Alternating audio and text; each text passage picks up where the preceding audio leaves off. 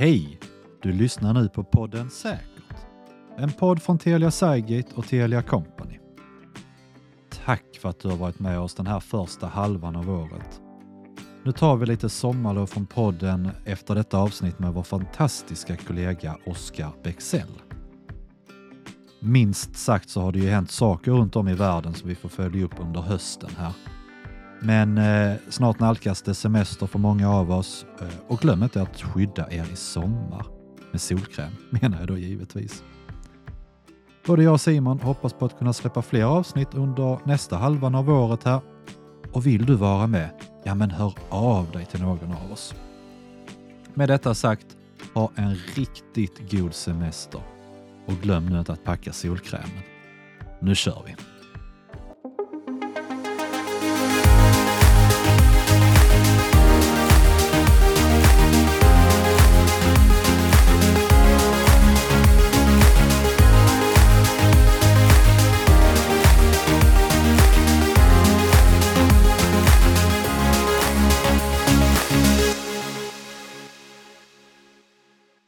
Du lyssnar på Säkert, en cybersäkerhetspodd från Telia Cygate och Telia Company. Nu har ju Cygate precis bytt, bytt namn här till Telia Cygate. Eh, och idag ska vi prata lite, lite roliga saker faktiskt Simon, eller hur? A- Absolut, för, men jag tycker att vi brukar prata roliga saker. Ja, Okej då, ja men det gör vi. ska vi kasta in eh, dagens gäst här, Oskar Bexell. Välkommen! Tack så jättemycket. Och ämnet för idag är ju eh, ganska brett. Vi kommer prata både IoT och OT, men även 5G. Och då är ju det intressanta, varför har vi bjudit in Oskar? Så berätta gärna vem du är och vad du gör på dagarna. Yes. Eh, Oskar Bexell och jag är områdesansvarig för dedikerade nät och IoT på Cygate och det är ju en system, systemintegratörsbenet hos Telia. Ehm, och vi tar tar ju ofta konsultrollen i, inom Telias paketeringar och hjälper till med allt från hårdvarudistribution, konfiguration, nät, moln, managerade tjänster och eh, som kundnära konsulttjänster. Så att eh, när vi säger dedikerade nät, då menar vi nät som är eh, som säkra, högkvalitativa nät. Eh, ja, allt som inte är internet skulle man kunna tänka. Att det kan vara både IoT-nät och eh, accessnät där vi kopplar upp telefoner och, och sånt. Och det kan vara också andra typer av nät som man bygger upp enkelt. Spännande. Mm. Och eh, hur länge har du varit på Telia Cygate och vad har du gjort innan du kom hit? Ja, ehm, jag har varit på Cygate ungefär två och ett halvt år. Så att jag anslöt eh, ungefär när pandemin bröt ut. Eh, på timing. Men Mhm. eh, innan det så har jag jobbat både inom telekombranschen många år med, ja, började med 3G faktiskt, 3G, och 4G, och 5G. Eh, sen har jag hållit på väldigt mycket med IoT inom IT-branschen. Jobbat mycket mot olika vertikaler då med allt från affärsutveckling till att jag har byggt nät och gjort mycket, kört mycket förstudier och mycket eh, tjänstedesign kan man säga. Att man tittar då på en kunds utmaningar och behov eh, och så försöker man koppla in lösningar som tar bort friktion. Mm. Det är väl egentligen det jag brinner mest för. Även om jag håller på mycket med teknik så är det framförallt den här effekten, nyttan av tekniken som jag är intresserad av. Och hur, hur man kan hjälpa kunder att förflytta sig. Bli mer Mm. datadrivna. Och jag tror att många känner ju till att Telia jobbar med 5G, men du nämnde ju en del av vad du gör på dagarna och vad, vad är det mer som Telia gör inom just de här 5G, IoT, OT-områdena som man kanske inte vet om som lyssnare på den här podden? Ja, eh, om vi tar OT och IoT som begrepp då, så bara så att vi landar... Precis. Ja, så ser jag ett eh, OT, det ser jag som en delmängd av IoT. Så tänker vi IoT, eh, saknas egentligen en bra definition på vad IoT är. Men sakernas internet, det handlar väldigt ofta om att man har någon form av device som kan mäta saker eller som kan låsa upp en dörr eller någonting. Det är alltså en sak som antingen eh, omvandlar en analog signal till någonting digitalt i en insamling. Mm. Eller så tar den emot någonting digitalt och låser upp någonting eller ändrar någonting eller vrider någonting. Eh, Då gör den en digital till analog konvertering. Så Mm. det, och sen behöver man nätverk för att kunna kommunicera med de här enheterna. Och sen behöver man ett, man kan tänka ett plattformslager. Det kan omfatta mycket mer än eh, just plattform, men det, där sköter man då sin device management, man kontrollerar sina saker, man uppgraderar dem, eh, man skapar digitala tvillingar, eh, man samlar in data, man bygger regelkedjor och allt sånt där, visualiserar. och så finns det ett fjärde lager som handlar om själva effekten. Det kan vara, man bygger appar eller systemintegration eller vad det kan vara. Eh, OT, det är ju då, för mig, det är de verktygen som ligger på plattformslaget. Det kan vara ett SCADA-system till exempel. Som man använder för att styra en, en, eh, en robot eller någonting i en, i en industriell miljö. Så att, eh, nu ska vi se, vad var frågan? vad vi gör inom de områdena. Precis, så vad vi gör inom områdena. Ja, men inom områden, de områdena så handlar det väldigt mycket dels om att tillhandahålla en, en dedikerad, väldigt säker och tillförlitlig access till, till de här eh, IoT-enheterna. så att man kan tänka att vi har eh, mycket, jobbar mycket inom gruvor och industri då till exempel. Eh, och se till att bygga det är saker kopplat till industri 4, alltså det är robotar, eh, det är predictive, eh, vad kallas det på svenska? Predictive maintenance. Eh, och det är eh, ja, just digitala tvillingar och det handlar om att man ska kunna styra, bli mer datadriven och styra sin, sina processer och produktionsmiljöer och så vidare med, med OT-system. Och då mm. behöver man då en väldigt bra access till det här. Så mycket kopplat till det. Vi har ju robotar som eh, håller på i gruvor till exempel och vi har eh, drönare, vi har massa, massa olika sådana här grejer där vi finns med i, i lösningen. Mm. Eh, sen jobbar vi mycket med smart grids, eh, kopplar upp eh, elnäten för de stora producenterna. Inom fastigheter håller vi på att koppla upp dem och, hjälper fastighetsägarna att bygga tjänster. Att, och då kanske det inte bara är trådlösa nät utan det är SD-WAN och det är molntjänster och det är IoT-plattformar. Och, så att mycket handlar om en paketering som hjälper en kund att bli bättre och förflytta sig. Sen exakt vilka verktyg som finns där i, det varierar lite grann. Mm. Mm. Men jag som är en, en slutkonsument, vad, vad är egentligen skillnaden mellan 4G och 5G förutom att det är så mycket snabbare? Det är coolare med 5G. Ja, ja det, det, precis. Det går ju uppåt i, i nummer, nummerordningen. Nu, nu pratar man ju 6G också, tyckte jag har läst någonstans. Eh, ja. Så att, ja. Vad, vad, vad, Nej, men det, är, alltså, det är en evolution som, det hör man nästan på namnet, 1G, 2G, 3G och så vidare. Ja. Det, är en, det är en evolution standardisering från 3GPP eh, som är standardiseringsorganet. Och eh, i varje sån release så, så kommer en ny funktionalitet och då och då så kommer det då en ny generation. Då har man liksom ett trendbrott där man, där man har ändrat tillräckligt mycket för att det ska bli en, en ny generation. Och historiskt då så får man bygga ett nytt nät för varje sån här G som kommer. Mm. Eh, I framtiden ser man ju att det kanske det är 6G, kommer, pratar man om att det kanske blir den första standarden som man bygger så att, så att man kan ta bort de där G-arna sen. Man kommer inte ha de här, eh, jag måste bygga nytt nät hela tiden, utan mm. man, har, man får ny funktionalitet utan att behöva uppgradera hårdvaran. Det är det många som vill. Men, eh, men vad skiljer? Jo, 5G eh, är, jag skulle säga den stora skillnaden med 5G är att den, det är framtag, hela arkitekturen är det vi kallar för cloud native, så den är byggd eh, på ett sätt Eh, med, eh, man kan bygga det med, med mikrotjänster. Så att 4G och tidigare generationer så var det stora monolitmjukvaror. Så man köpte ett mm. jättegigantiskt core-nät och så köpte man basstationer. Och det, den modellen passar bara eh, stora mobiloperatörer. Men i 5G så får man en otroligt mycket mer större flexibilitet. Jag byggde ett, ett sånt nät här hemma till exempel för att testa med, med en tillverkare. Det är inte någon telecom grade lösning. Men eh, det var en liten sån här Intel NUC som jag körde på. Och så var det en liten basstation som jag hade. Så att det går att bygga till och med på open source mjukvara mm. i alla delar idag på en Raspberry Pi om man vill. Eh, och det är, det är kopplat då till att mjukvaruarkitekturen är mikro, mikrotjänstbaserad.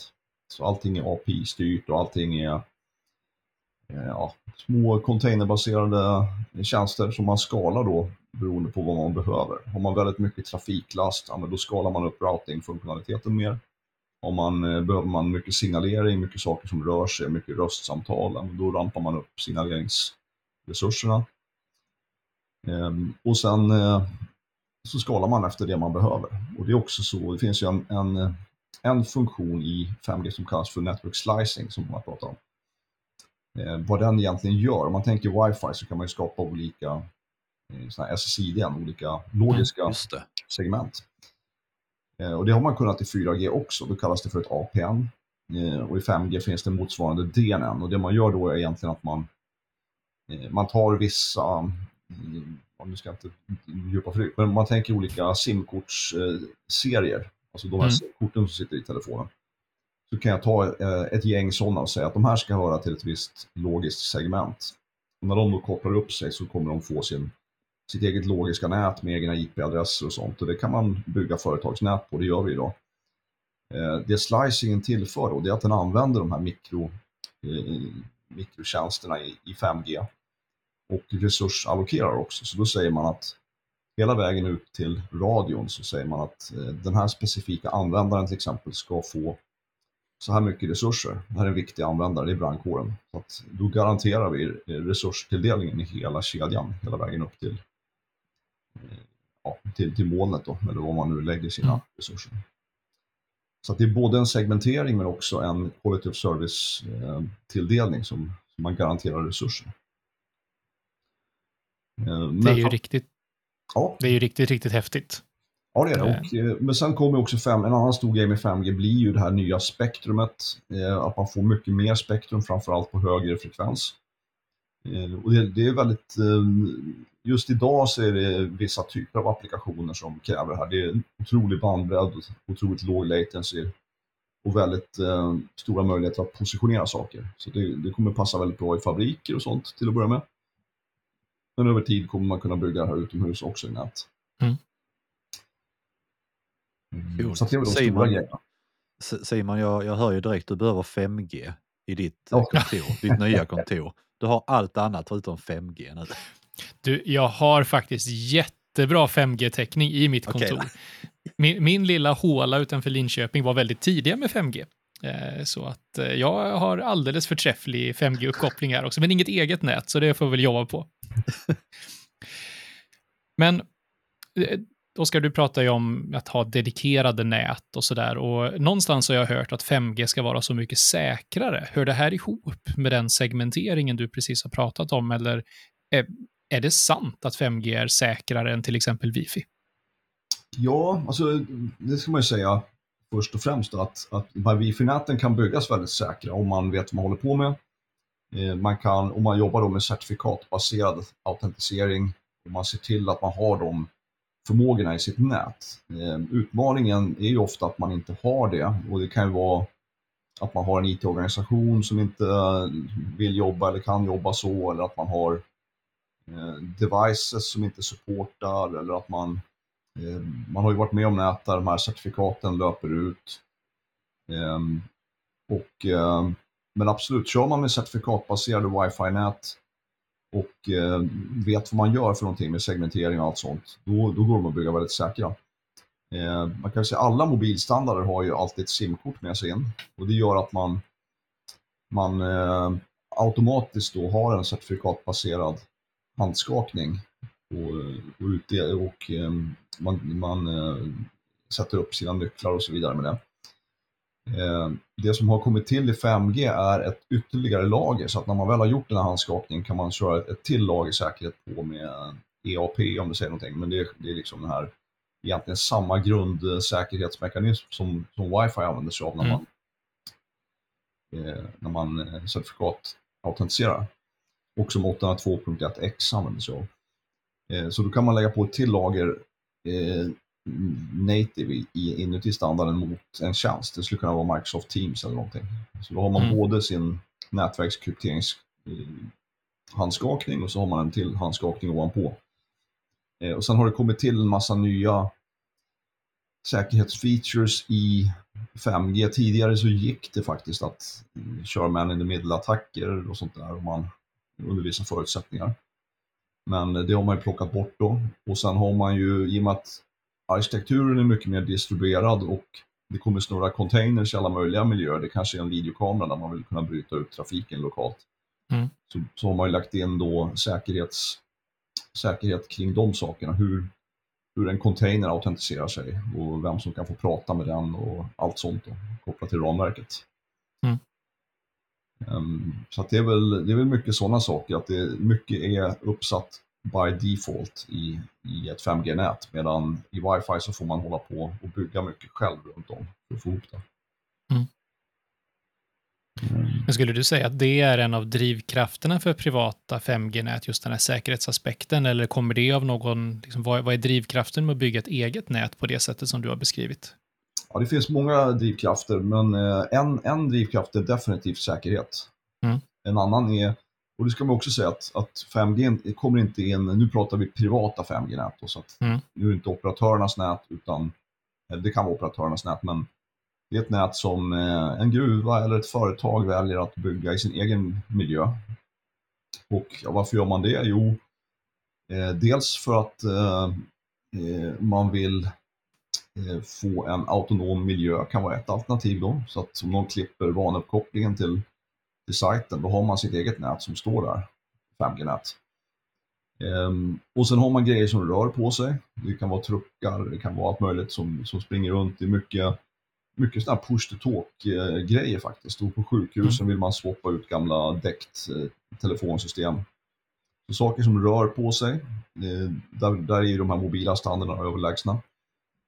Eh, men man kommer inte riva wifi-näten, de kommer självklart fortsätta finnas där för all IT-utrustning och eh, konferensrumsutrustning och sådana saker. Men eh, eh, sen finns det andra grejer som är, eh, det kan handla om cost control, det kan handla om eh, vissa typer av devices som man vill koppla upp. Det kan handla om att man vill ha eh, segmentering och quality of service på vissa, vissa typer av tjänster. Så det finns en massa drivkrafter och varför den här privata 5G-marknaden har tagit sån fart globalt. Så um, ja, det finns massa anledningar. Eh, Säkerhet är definitivt med på den kartan.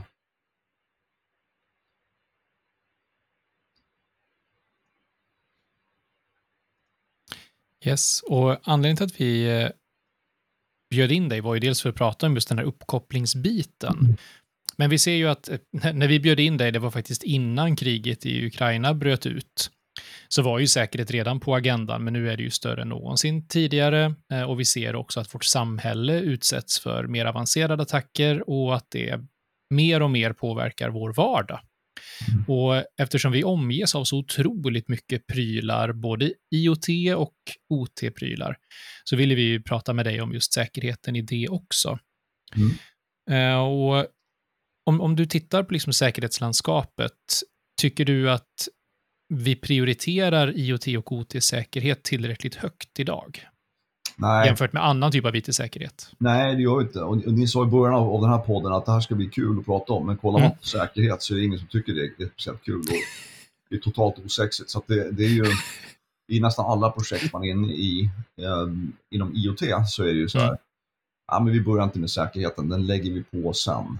Vi, vi börjar med att påvisa att det här funkar, eller vi börjar med att påvisa att vi, vi kan skapa en effekt i någon Mm. form av pilotfas. Och där har man ju aldrig att ja, det här måste vara säkert, utan det kommer ju i nästa fas då. Mm. Och då kan det ju vara så att när nästa fas dyker upp så har antingen har man glömt det här eller så har man ingen, inga personer som tittar på det eller det finns otroligt mycket eh, kryphål och, och sådär. Det är liksom en schweizerost mycket av, av den IoT som finns där ute. Mm. Men då gäller det att man, man som eh, IT-organisation då jobbar med till exempel segmenteringen så att lyckas någon ta sig in via eh, vi tar ett enkelt som tempgivaren, då ska de inte kunna Mm. komma åt videokamerorna i, i samma byggnad. De ska inte Mm. kunna komma åt skadasystemet eller IT-miljö, utan man tar, lyckas man ta sig in och man mot all förmodan, man kan ju härda massa grejer på andra sätt också. Men man ska inte kunna komma vidare därifrån. Eh, Så det är det är en sån här grundgrej vi brukar, som vi jobbar mycket med inom fastigheter nu. Mm. Där går vi in och hjälper till då att både autentisera eh, och sköta accesskontroll men också då segmentera eh, varje typ av enhet, varje typ av system och varje typ av person som kommer in. Så att en reparatör som kommer in remote eh, ska bara ha tillgång till den där hissen som man ska uppgradera. Ingenting annat. Ehm, och det är någonting man lägger på som ett lager ovanpå eller under själva IoT-enheterna som i sin tur bör härdas och, och skyddas och krypteras. Mm. Ehm, men, men där är ju en utmaning inom IoT. Många av enheterna är batteridrivna, många jobbar med radioprotokoll som, som, har, som är väldigt, väldigt eh, tunna i bandbredd. Och det gör mm. att man kan inte hålla på eh, och certifikatautentisera allting, för man har inte den bandbredden. Man kan inte köra IPsec eller det finns andra krypteringar, utan man får hitta på andra sätt att göra det på. Mm. Och där kan det finnas olika flaws också, att man, man ibland då inte lyckas skydda, skydda grejerna. Men då får man jobba med det som med själva nätet då, och se till att det är skyddat.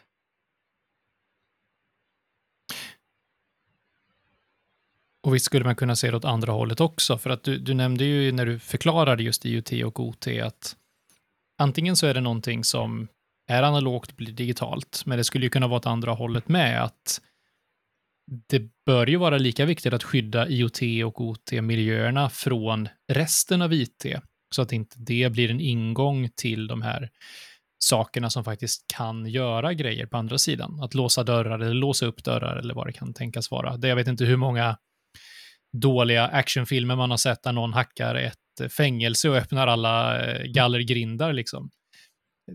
Nej, men exakt. Har man den förståelsen? Eh, ja, men det är samma där. Man, eh, en av utmaningarna är att det att det är väldigt många attackvektorer i det här. Det mm. finns otroligt många sätt att göra, göra det på, inte minst den här social engineering-vektorn. Att man har mm. eh, jag har ju själv varit med om eh, liksom, ska, ja, men att man slutar på ett företag och sen så har man kvar accessen till alla system. Eh, och då är det ju upp mm. till en själv att man hör av sig och säger kan ni plocka bort den här accessen för mig? Mm. Men eh, bara en sån enkel grej tycker jag, tycker jag är väldigt vanlig då, att man, man har inte någon, det finns inga processer och, och där finns det ju Klassa till exempel som vi använder då inom, eh, jag tror att det är offentlig miljö. Mm. För den, den typen av av lösning inom IoT. Det, det, finns de som har tittat på det. Eh, mm. Svenska stadsnätsföreningen till exempel. Och försökt ta fram en sån modell. Och där, där ser man ju komplexiteten. De har ju ringat in till exempel nätverk som ett område, eh, devicen som ett område, plattformslagret som ett område. Och då gäller det att man, att man lyckas skydda varje sånt, sånt område individuellt. Man måste Eh, man måste härda varje sån box och se till att lyckas någon ta sig in här, då är det stopp sen, man kommer ingenstans. Mm. Eh, men det, det, det, är inte enkelt och, då, och det, de här säkerhetskonsulterna är inte de billigaste du hittar i, i branschen heller. De är, de är, inte så många, de är inte så billiga. Och sen är området väldigt stort och, och fluffigt och svårt, tycker många. Jag också. ja, nej men det, det är en... Eh, det är ingen skräll liksom att man, tittar man i, läser man och bara följer nyhetsflödet så är det mycket attacker. Man kanske inte alltid ser det, men det är ju allt från stora ransomware-attacker till eh, små roliga attacker om någon har hackats in och blinkar med belysningen på ett, i, ett, i ett eh, hus någonstans. Men eh, eh, ja, ofta kommer de här attackerna från, eh, det kan vara mot någon som skickar, det absolut vanligaste tror jag, det är att man använder social engineering. Man skickar ett mail eller man skickar någonting som någon klickar sig och, och så öppnar man bakdörrar eller, eller installerar någonting. Men det händer ju att, att nätverk hackas också, även om jag tror att det är klart ovanligare. Hackare är väl, sägs det, jag vet inte, det sägs att de är rätt slöa, liksom. de tar den, den lättaste vägen, följer minsta motståndets lag. Men kan det också vara de här eh, enheterna att de har något default password som man inte har orkat oh ja. byta? Jag åkte runt och utbildade eh, operatörer, gjorde runt på, på eh, mobila basstationer för, det var väl 15 år sedan, men då, då var det ju liksom i princip admin-admin på alla, alla basstationer i alla nät jag kom in i.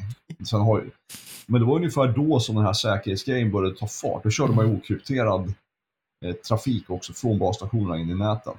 Men sen, det var ungefär då man började lägga på IPsec och så man la på och med det kom ju också först eh, mycket starkare passwords, men sen kom multifaktor och sånt efter det. Så um, om man tog bort telnet, det var ju rätt vanligt att man kunde telnetta in grejer. Helt okrypterat. Ja, det var ju säkert jättesmidigt att serva basstationer på det sättet. Ja, det var fantastiskt. Och när jag körde kurs kunde jag alltid gå in på en av deras live-basstationer utan att fråga i princip. Jag kunde bara säga, kolla här, om man behövde titta på någonting. Man, man tog ju inte med den, men man kunde man ville titta på någon statistik eller tracea någonting eller något så kunde man bara mm. logga rakt in och, och göra det, så stänger man av. Och ingen loggning på det heller så att du varit där inne? Nej, och fanns det loggning så var det ju det från adminkontot. Så man såg att adminen hade varit inne, men man vet inte vem det mm. var. Eftersom adminkontot också var liksom admin, admin. Mm. Ja, nej, men det har blivit otroligt mycket bättre inom, eh, inom det segmentet. Och medvetenheten är ju jättehög. Liksom. Det är första frågan man får nu för tiden. Eh, men som sagt, väldigt många IoT-projekt framför allt när man kör piloter och sånt. Där, eh, där börjar man inte designa lösningen utifrån säkerhet ofta, utan man, man vill påvisa en effekt först, en verksamhetsnytta, mm. vilket jag tycker är helt okej. Okay. det är det viktigaste att man, för får man inte till den spelar det ingen roll hur säker lösningen är, den kommer ändå inte flyga. Eh, så att man måste jobba med billiga, enkla medel i början och då kan man göra avkall på säkerheten under en, en, eh, en testfas. Men sen när man går in i produktionsmiljö, då måste man ju ha det med sig från första rutan. Men finns det inte en risk i det, den här klassiska it-säkerhetsparadoxen, att eh, när man då har visat värdet i en, en proof of concept och sen ska man gå in och säkra upp den, att man helt plötsligt märker att den där proof of concepten var inte eh, en realitet för att säkerhetslagret vi lägger på blockerar det. Ser du en, en liksom, sån risk också eller är det, ja, är det mest en styrning, en mognadsnivå liksom? Ja, men har man, har man bara liksom, byggt sin arkitektur rätt så, så tror jag... Det, det som det skulle kunna hända till exempel då, det är att man, om vi tar eh, hemsjukvård som är någonting som man mm. testar mycket nu. Man ska kunna skicka hem patienter från sjukhuset, man sparar 10 000 kronor per natt. Sen mm. patienten får, får må bättre i sin hemmamiljö. Och så har man lite sensorer. Eh, att testa en sån grej är rätt enkelt. Du skickar ut en förkonfad eh, pryl och sen ska den här personen då, det är bara att trycka på start så kör man.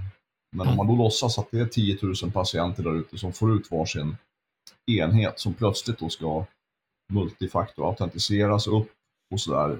Och sen så är det, är det, det average Joe som får ut de här grejerna. Mm. Det är klart att risken finns då att, att en region plötsligt blir nerringda med folk som inte lyckas koppla upp grejerna och vänta, det står, här ska jag använda en, vad står det, jag ska, jag ska få ett sms, det dök aldrig upp. Mm. Eh, och, och, det är klart, då kan man ju få en, men det, men det där måste man ju ta med sig i sin tjänstedesign. Så när man tittar då på hur ska det här faktiskt, eh, hur ska vi lösa problemet sen? Då måste man ta med sig användarperspektivet i det här också. Mm. Så har man bara gjort det rätt och har sin arkitektur rätt byggd så, så ska det inte vara något problem. Mm. Men kan vi gå tillbaka också? Du pratar om den här definitionsskillnaden mellan IoT och OT. Och när jag hör OT så är det nog framför allt, skulle jag säga, sjukvård jag tänker på, alltså medicinteknisk utrustning. Eh, finns det någon skillnad i hur vi säkrar en IoT-plattform jämfört med en OT-plattform, eller är det fel sätt att tänka kring det? Um, ja, men jag tror mycket av OT-säkerheten eh, kommer från tillverkarna. Det är en Mm. Så att de kommer ju ut med allt från accessnäten. Det kan vara att nej, det här kör vi en tråd. Vi ska ha en mm. LAN-kabel, en fiber som går här. Eller de har ett eget radioprotokoll. Eller de har mm. ja, så de har ju säkrat upp och där kommer ju också allt från GDPR till olika sjukvårdsstandardiseringar och sånt och mm. lagkrav och sånt in i bilden. Medan en IoT-plattform blir ju, det är en, en, en IT-leverans på ett annat sätt. Mm. Så att, eh, och, det, och det där går igen lite i olika, sjukvården är väl kanske den som sticker ut mest, men det där kommer det tillbaka i andra typer av eh, vertikalområden också. Man har industrispecifika eller vertikalspecifika lagkrav eller eh, ja, olika ISO-standarder och sånt man måste mm. följa. Mm. Och det är väl, jag upplever lite att det kommer från Schneider till exempel. De släpper en, mm. en ny produkt i sjukvården. Ja, men då, då är det de som har check på det där. Så att, och det kanske inte en typisk IoT-plattformsleverantör har, utan då får man bygga sin arkitektur så att kanske IoT-systemet innehåller inte GDPR-datan, den ligger i verksamhetssystemet. Mm. Och sen så får man jobba med anonymiserad data. Ett exempel är ju ett område vi jobbar jättemycket nu inom, det är asset tracking. Mm. Hitta saker igen på ett sjukhus. Eh, och i förlängningen kommer det också bli personer, så att man kanske Mm. ska hitta en AT-läkare eller till och med en patient. Det Mm. spåras. Man har en dement patient som ska kunna öppna en dörr om det är en vårdare med, men inte om man kommer själv. Om man är geofencing och så vidare. Mm. Då vill man inte ha, ställa ut en IoT-plattform som samlar in data som går att koppla till den här personen, utan Mm. det blir anonym data där och sen så knuffar vi upp den då till eh, kanske patientsystemet eller inventariesystemet eller vad det är. Och där ligger då själva kopplingen till saken eller personen. Då halkade jag iväg, jag kommer inte ihåg riktigt vad vi... Nej, men det, det är väl en, eh, som, som många andra tjänster, en eh, IoT får väl någonstans kanske likställas med infrastructure as a service. Absolut. Medan OT är lite mer applicerat, det är mer åt PAS och SAS-hållet, att då har man faktiskt byggt någonting där det finns en massa uppkopplade prylar med i den leveransen någonstans. Ja. Ehm, men, Men det finns också IoT då i eh, en kund som vi jobbade med. De hade ju då en IoT-plattform som kom Mm. från tillverkaren av en viss maskin. Och den Mm. tillverkaren hade också tagit fram vibrationssensorer Mm. för att mäta på de här maskinerna. Eh, som i sin tur då gick över ett mobil, eh, mobilnätsprotokoll. Så då kom Te- Telia kommer då in med mobilnätet för att kunna hjälpa till att koppla upp den här prylen mot den här IoT-plattformen i just det fallet. Mm. Men eh, allt annat kommer då från leverantören av maskinen egentligen. Mm. Eh, men då kan det vara att man vill, man vill att den här sensordatan ska in från maskinen in till det vertikalspecifika systemet. Men man vill också slussa vidare den här datat upp till en central, mer horisontell IoT-plattform där man kan plocka in Mm. alla möjliga data och bygga logik. Eh, Det är mycket sånt vi jobbar med också mot kunder i olika segment. Eh, Så det kan finnas flera lager. Vad jag menar också med Mm. plattformslagret kan egentligen det kan innehålla allt från brandväggar och lastbalanserare och system till, till olika lager av eh, IoT-plattformar. Nu, nu ska jag ställa en fråga som riskerar att sätta mig själv i, i eh, skamvrån här, men det du beskriver låter ju nästan som en parallell värld till det som jag och Pierre kanske oftare jobbar med som är mer, nu gör jag såna här air quotes eh, som ni som lyssnar inte ser, traditionell IT. Det, det låter som ungefär samma utmaningar fast på ett område som är ganska specifikt om, om jag då som vanlig IT-tekniker tycker att det här med IoT och OT och eh, mobila nät och sånt låter spännande, är det någonting helt nytt? Börjar jag från scratch om jag skulle vilja byta bana? Nej, utan eh, eh, oftast inom så, så många andra, andra områden så är det ju eh, olika förmågor som, det är, det är sällan någon har, har liksom full stack inom IoT. Mm. Mm. Eh, Och har man det så är man ofta en, eh, mer av en solution sales-person som kan bygga Mm. piloter och sånt, men man sitter inte och bygger en stor IoT-plattform i Azure. Mm. Utan man, man gör en delmängd av, eller eh, kan man allting så, eh, så är man väldigt bra pre-sales, solution sales och man kanske hjälper till i pilot, piloter och sånt. Men eh, sen finns det ju specialister som, sitter, som bara håller på med nätverk eller bara håller på med Alltså ska man bygga en IoT-plattform då behöver man ju databasspecialister, man behöver ja, alla möjliga förmågor. Så var man än kommer ifrån så går det att hitta in i det här. Och sen blir ju allting mer och mer och mer API-drivet.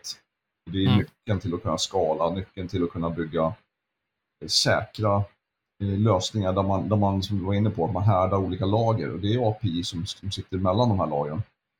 Eller som knyter ihop dem. Och eh, kommer man från IT-världen så har man ofta koll på någonting inom om- det området. Man kanske till och med sitter och bygger, man kanske är systemintegratör, bygger eh, gränssnitt mellan system idag. Då är det bara att gå rakt in och jobba med IoT. Det är mycket det det handlar om eh, det här plattformslaget ut mot alla ta verksamhetssystem eller appar eller vad det är. Det är API som man ska, API management som man håller på med där. Um, och sen många IoT-plattformar, det är mycket konfiguration. Det är inte så mycket programmering nu för tiden, utan man konfigurerar saker. Man, man tar fram uh, funktioner, serverless functions, som gör saker. Man tar fram uh, avkodare som tar emot en payload från en sensor och sen så ska den lägga in det här i en databas på något, på något snyggt sätt. Lite JavaScript.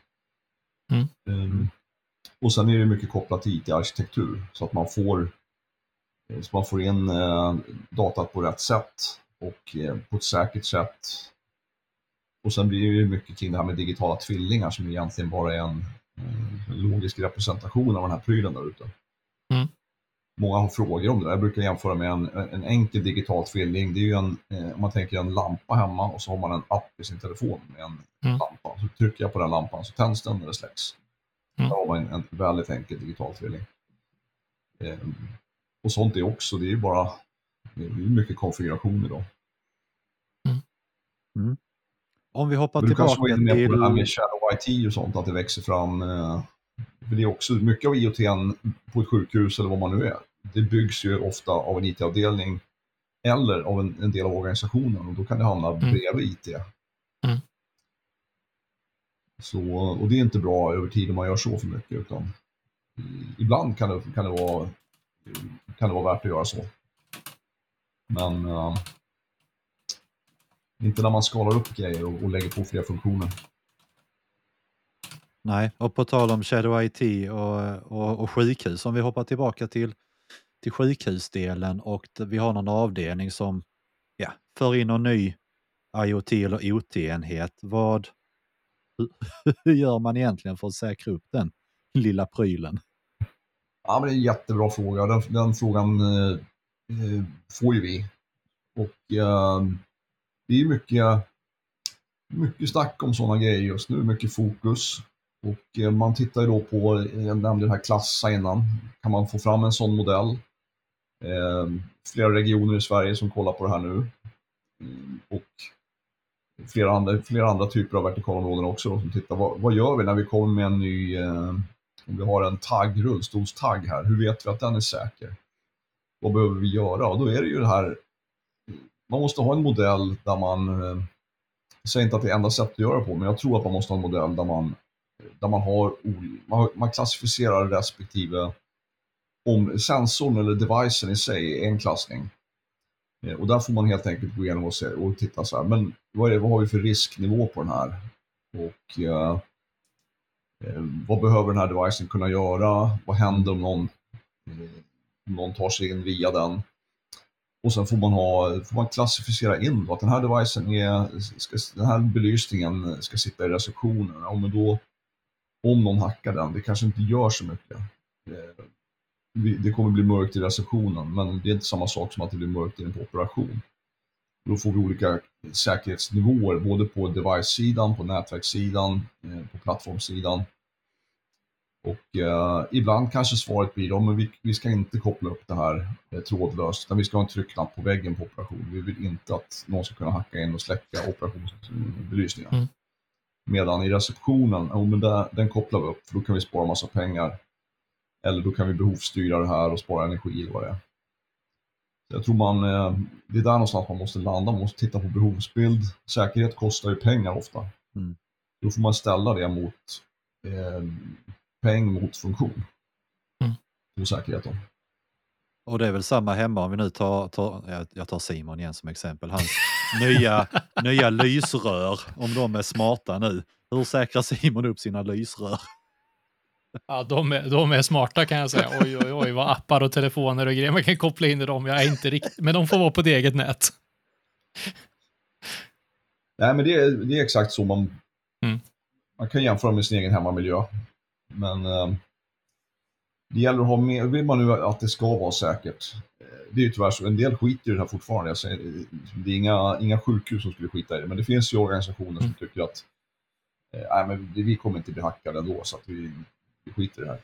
Men eh, har man, vill man att någonting ska vara säkert, då måste man göra sin egen, man måste göra en audit på sin egen miljö och titta på alla lager och se vad, vad har vi här? Och vad, vad händer om någon lyckas ta sig in via den här vägen? Vad tar vi vägen? Och då kan man, det finns ju en massa enkla medel som vi nämnde, då, segmentering, autentisering, eh, rollbaserad access, eh, policies kring det, accesslistor, jobba med den typen av verktyg. Men eh, man måste nog härda respektive lager. För, för tror man att man ska kunna härda hela skiten så, så kommer det bli, det kommer bli svårt. Mm. Om man inte har ett enda use case på en grej, då kan man göra det. Men, men eh, ett sjukhus är bara glömma att man ska kunna, det är för mycket prylar, för mycket accessprotokoll och för mycket plattformar och, och så. Mm.